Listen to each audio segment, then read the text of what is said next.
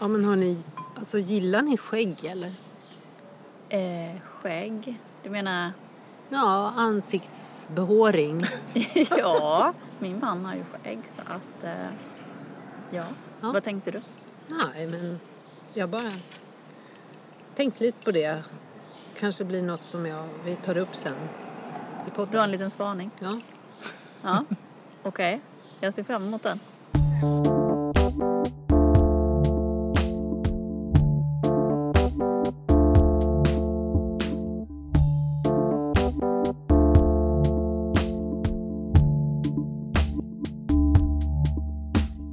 Idag är jag rädd att ni behöver gå hem och, och fylla på äta efter det här för att det är jättekonstig mat.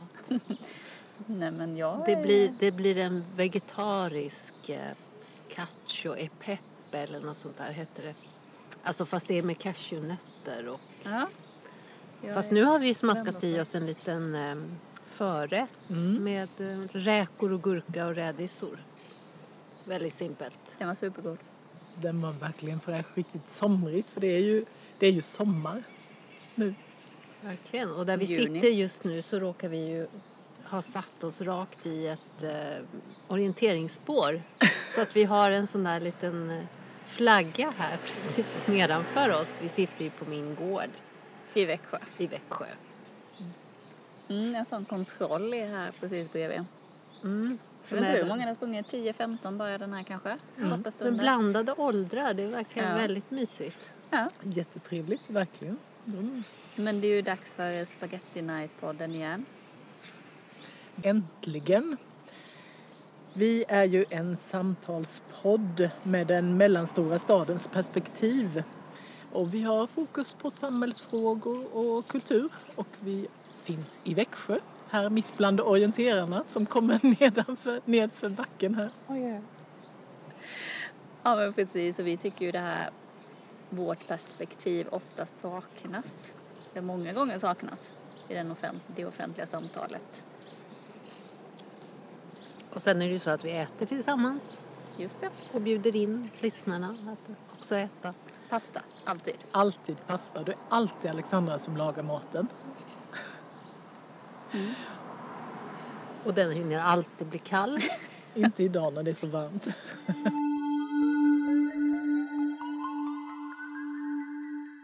Ja men vi har ju lite tema idag kan man väl säga. Det här med distansarbete, jobba och bo på olika ställen. Eller man jobbar på det stället man bor på distans helt enkelt. För det har blivit mer sånt under pandemin för många. Bo, jobba, resa liksom. Ja, Ja, jag ska ju prata lite då om ja, just det här med flexibla kontor och hur, hur det verkar gå kanske efter pandemin mot, från affärsresor mer mot att man blir så kallad digital nomad. just det. Och jag har ju på begäran kan man säga, öns eller önskemål från en av våra lyssnare. En rapport som jag kommer prata lite om. Eh, Det här är konsult, analys och konsultföretaget VSP som då verkar inom samhällsbyggnadssektorn har ju studerat och gjort lite analys över hur det kommer se ut nu efter pandemin med distansarbete och hur det kommer påverka olika städer. Och Ika, du har ju också lite där. Mm, ja, men jag har några exempel från verkligheten ur distansarbetets olika sidor kan man säga. Mm, Det älskar vi, exemplen. Och sen skägget. Skägget, ja det är slutet, det Åh. ska du ju återkomma till. Men det har inte med distansarbete att göra eller? Hur var det? Eh, det kan man nog få ihop.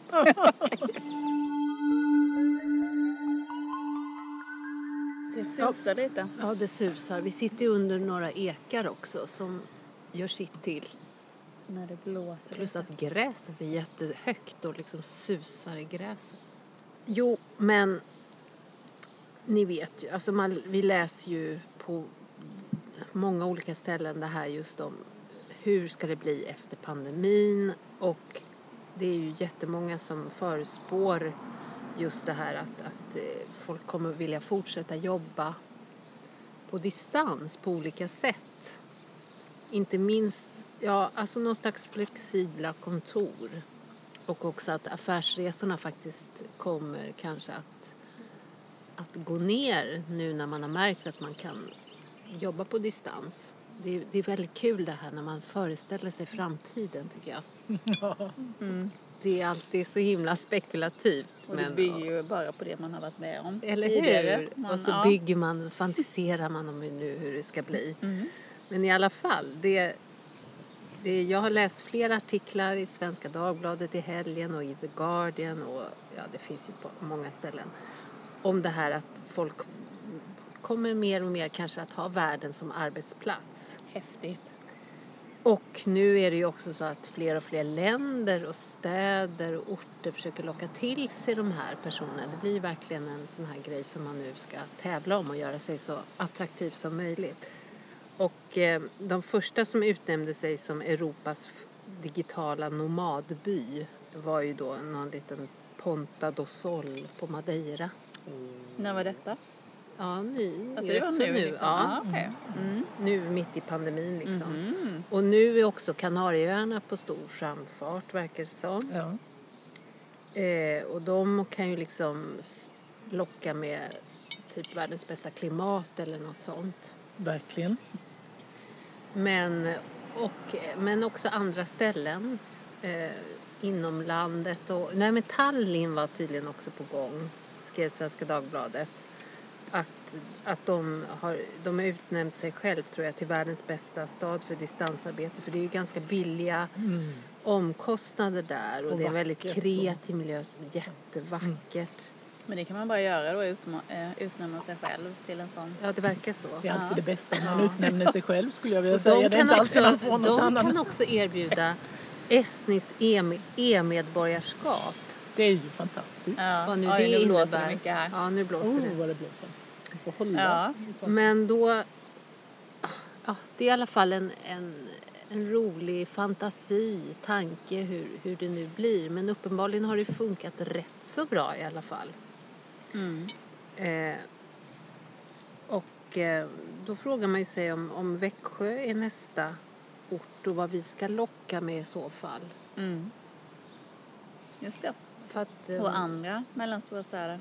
Ja, Men jag kommer ju in lite på det i min, den här rapporten också. Gör du vad det? som kommer krävas. ja. Eller vad de är inne på enligt den här rapporten då.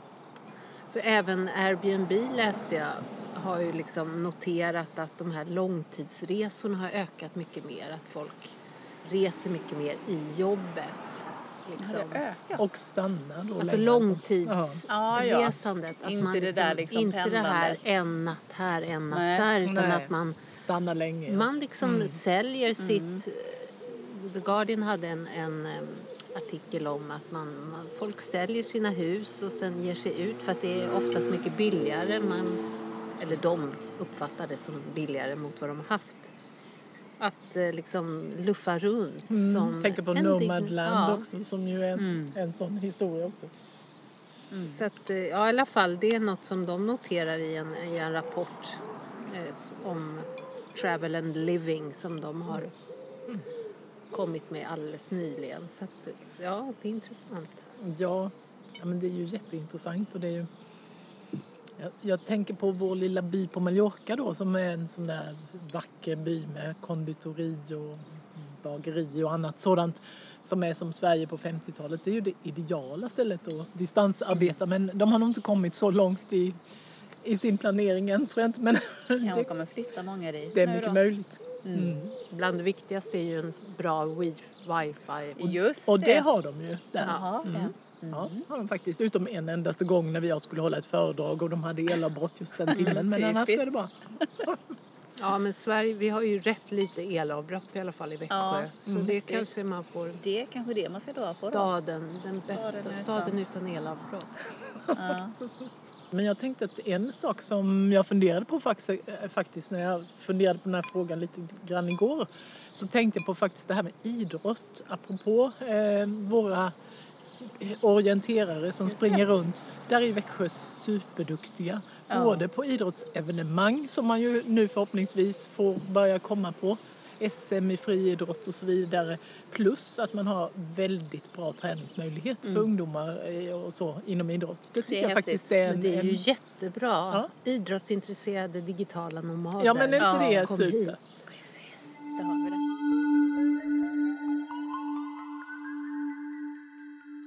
Ja, men jag har ju tittat lite på en rapport då som det här konsultföretaget inom samhällsbyggnation, VSP, har tagit fram eh, i maj här nu.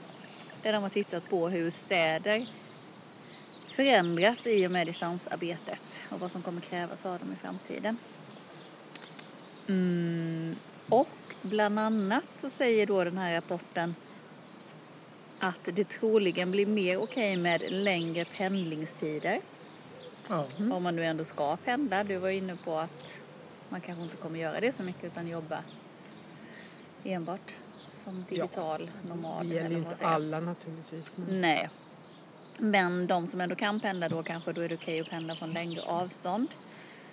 Eh, men så säger de också då att eh, totalt kommer det vara cirka 1,3 miljoner arbetstagare av totalt 4,6 miljoner i Sverige som har yrken där distansarbete kommer att vara en möjlighet.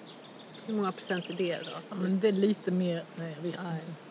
Men det är nästan En tredjedel, Ja. ja, Ja. precis. Mm. Någonstans En runt tredjedel. där. Eh, och då tänker jag det kanske kommer innebära då att folk vill flytta ut mer till ut från storstäderna ännu mer. För den trenden har man ju sett. Absolut, den har ju faktiskt hållit i sig. Ja, Mm. och då kanske det kommer öka ännu mer och, och så. Eh, men då säger den här rapporten också att de menar att det kommer krävas mer av stadskärnor för att vara attraktiva. Och eh, det behöver då andra typ, behövs andra typer av samarbete mellan olika aktör, aktörer. De säger att platsers attraktivitet inte bara handlar inte bara om att det finns handel och restauranger i gatuplan utan det gäller att förstå vilka drivkrafter som finns för att mötas. Det kan handla om mer fokus på utbildning och kultur liksom att öka tillgången till offentliga mötesplatser och grönytor. Att man behöver tänka nytt för att locka till sig människor då. Mm. Det tangerar ju lite det vi har tagit upp Absolut. innan. Om Det här hur man kan liva upp centrum Precis. och göra det liksom attraktivt och praktiskt och Man har ju känt det innan.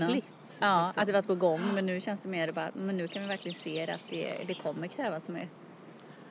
Det kommer ju krävas jättemycket mer och, och det här med att skapa nya mötesplatser tänk, tänker jag på att eh, annars har man ju mötts genom arbetet men ska man sitta nu på distans så måste man ju mötas genom andra saker om det är kultur eller vad det nu än är.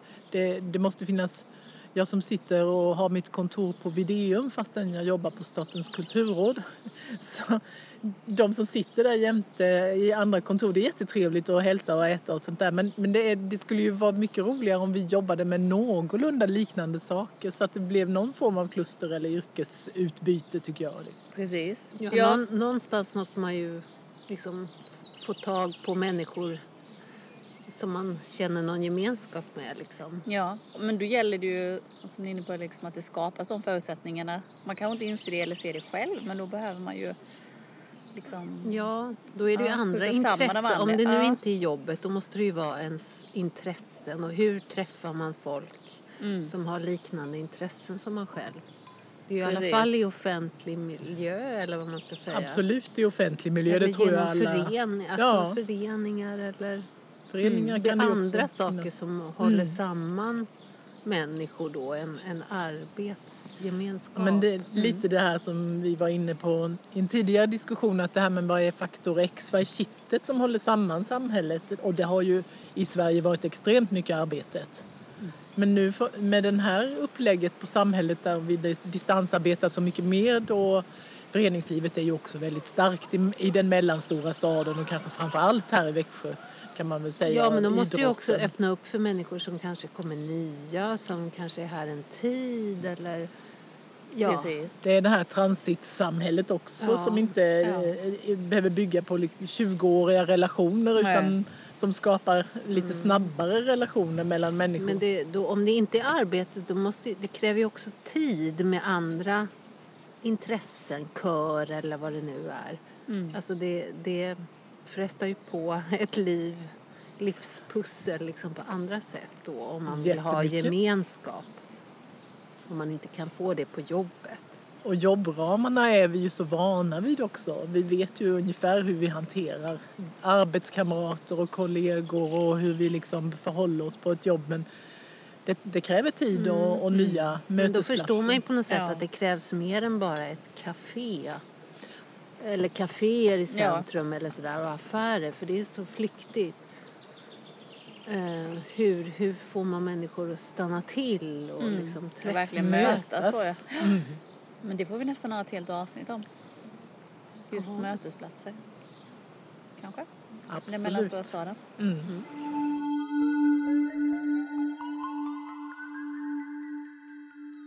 Nu har ju jag haft ett tillfälligt jobb och jobbat bara digitalt med mina medarbetare, då 18 stycken. Vi har träffats en dag i oktober förra året. Och så förra veckan så träffades vi fysiskt. Och det var ju helt fantastiskt. Vi träffades under väldigt coronasäkra former och allting sådant. Men det, vi upptäckte ju att folk hade ben och baksidor och sidor och allt möjligt. Inte bara liksom så endimensionella så. Den som man vill liksom känna på håret. Ja. Och inte har en dimmig bakgrund. Nej, inga dimmiga bakgrunder. Och jag satt ju inte på Mallorca som jag alltid brukar göra också. Så, Nej, men det, det, var, det var väldigt kort stund och det var helt coronasäkert och annat så.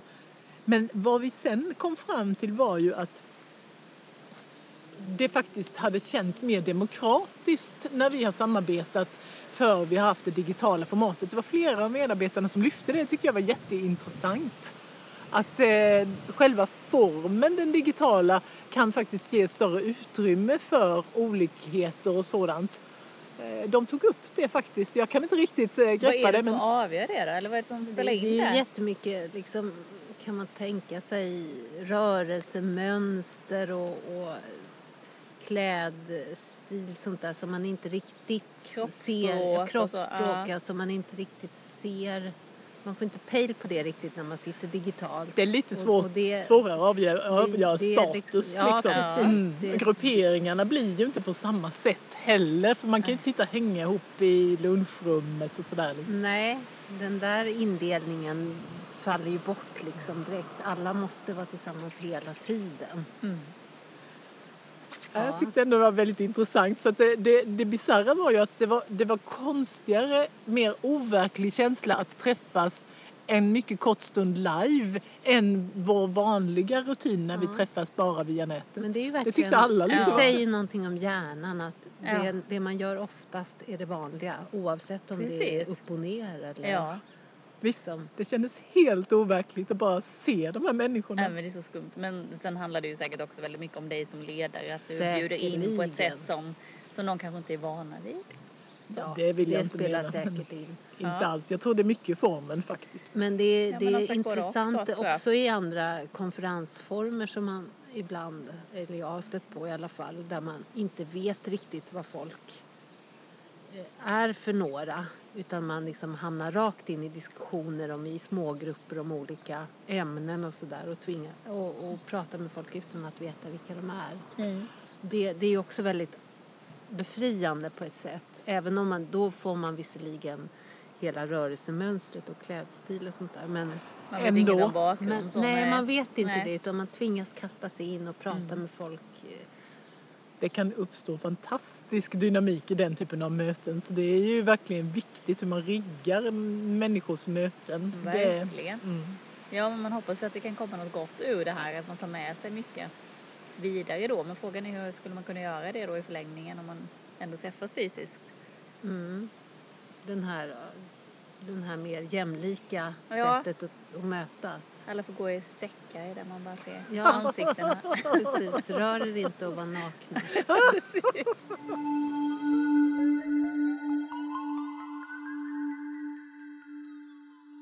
Men du Alexandra, hur var det nu med det här skägget som du pratade om i början? Hur ska du få ihop det nu? Ja, ja, det är väl egentligen någon slags avundsjuka. jag har alltid velat ha skägg. Faktiskt. Har inte du skägg? Jo, Det jag har, jag har ju lite grann. jag har skägg, absolut. Men det är liksom inte det riktigt... riktigt av- rejäla skägget så. det är inte, Det, det, det funkar inte. Nej, jag har försökt sticka skägg och allt möjligt. Men det är någon spaning i den mellanstora staden som du har gjort på något Eh, sätt? Ja, eller alltså, det är ju en gammal spaning det här med skägg hit och dit. Vi vet ju alla det här med hipsterskägg och så. Eh, Men eh, ja, det poppade upp igen på något sätt. Att det är liksom inte bara hipsters ju som har skägg nu för tiden. Utan det, det liksom lever sitt eget liv det här. Vilka har skägg och vilka har inte. Och när blir det populärt och vad signalerar det och sådär. Vad tycker ni att det signalerar egentligen? Alltså min pappa har och har alltid haft skägg i princip. Han råkade av sig det någon gång och då blev jag typ rädd för honom för han hade det under hela min barndom. Så för mig är det väldigt mycket så här trygghet och, och så. Och nu, alltså ja. Du gillar det? Nu, din ja, man har också Min skägg. man har också skägg. Inte sådär stort skägg. Inte slutspelsskägg precis. Bara lite trimmat eller vad man säger. Nej men lite skägg. Men vad tänker ni? Eller vad tänker du, Rika? Ja. Men jag har inte så nära relation till skägg men jag tror ju att skägget har blivit mera, symboliserar mindre saker i den mellanstora staden än vad det gjorde för kanske fyra, fem år sedan när, det, när alla de här eh, Hipster? hipstrarna kom och det var lite mera ängsligt. Så jag tror att och man var, det var ju de här hem som bryggde sitt eget öl och så. Och att det var en statusmarkör för att vara lite modern och, och, och lite i framkant. Men jag tror att det är mindre så nu även i den mellan, mellanstora staden. jag förstod det av min mans kollegor som är lite yngre än vad han är. De har ju nästan alla skägg men det betyder inte så mycket tror inte han. Att det är inte så att de symboliserar någon Ingen speciell... där markering? Att, Nej. Jag tror inte det. Sen, sen fick vi ju en rapport ifrån... Gör du, han har hunnit kolla upp det här Ja, med skägg under ifrån- dagen, under kvällen? Ja, och då får vi en rapport här från Susanne Jonsson eh, ifrån Norrbotten. En lyssnare? En lyssnare till oss. Och hon säger ju att Luleåborna är ängsligt modemedvetna. Mycket skägg på Storgatan och det är nog lite typiskt för den mellanstora staden tänker jag då. Eh, finns till och med salong som ansar och vaxar skägg och sånt. Men resten av Norrbotten inte lika på, påtagligt, helt oängsligt. Det, eh, men, men hon menar att det i Luleå då symboliserar att man har koll. Man har koll, man har skägg. Men då är det lite större skägg vi pratar om, eller? Ja, jag skulle ju tro det. Ja. Men man har koll. Det har ingenting med man, mannen att göra eller? Inte enligt Susanne, vad tycker ni? Nej, jag, jag vet inte. Nej, men jag läste en, en artikel i, i helgen. Lite grann om det. Men någon som hade gjort en, en liten egen spaning att åtminstone nästan 60 procent av stockholmarna hade skägg. Mm. Men i- enligt min idagspaning då i Växjö så är det ju ungefär bara en tredjedel. Men då när du, du säger du har saknat det ibland och du har gjort ett skägg i något skådespel. Så vad är det du har eh, velat signalera då? Ja. Är det makt? Nu på, på senare tid har det varit liksom kanske lite mer sådär överskridande. Plus att jag har tyckt att det var, varit väldigt praktiskt på vintern. Att jag skulle vilja ha ett vinterskägg. Och det har ju nästan införlivats med munskyddet. Så att jag är helt nöjd egentligen. Du har liksom inte den här längtan efter Nej, alltså det har verkligen uppfyllts av detta. Jag kanske ska liksom beställa ett så här skäggstubbigt munskydd snarare. Ja. Det vore perfekt när jag tänker efter. Det är jättebra, värmande, skönt och funkar mot smitta. Ska det vara med liksom själva Nej, jag tänk- strukturen nej, jag på? bara- Tänker du att som det som Nej, för det tror jag nästan, för det känns ju liksom lite smittosäkert Ja, med skägg. Som att det fastnar Ja. grejer i det. Så att jag vill ha ett helt slimmat munskydd med skägg. Ja. Men, men det som är intressant är att jag i den här artikeln eh, läste att eh, New York, att man tänker sig att det ska vara ett urbant fenomen. Ja. Men New York som är liksom Mm. den staden nummer ett i världen. där är det inte alls så. De har gått vidare nu eller?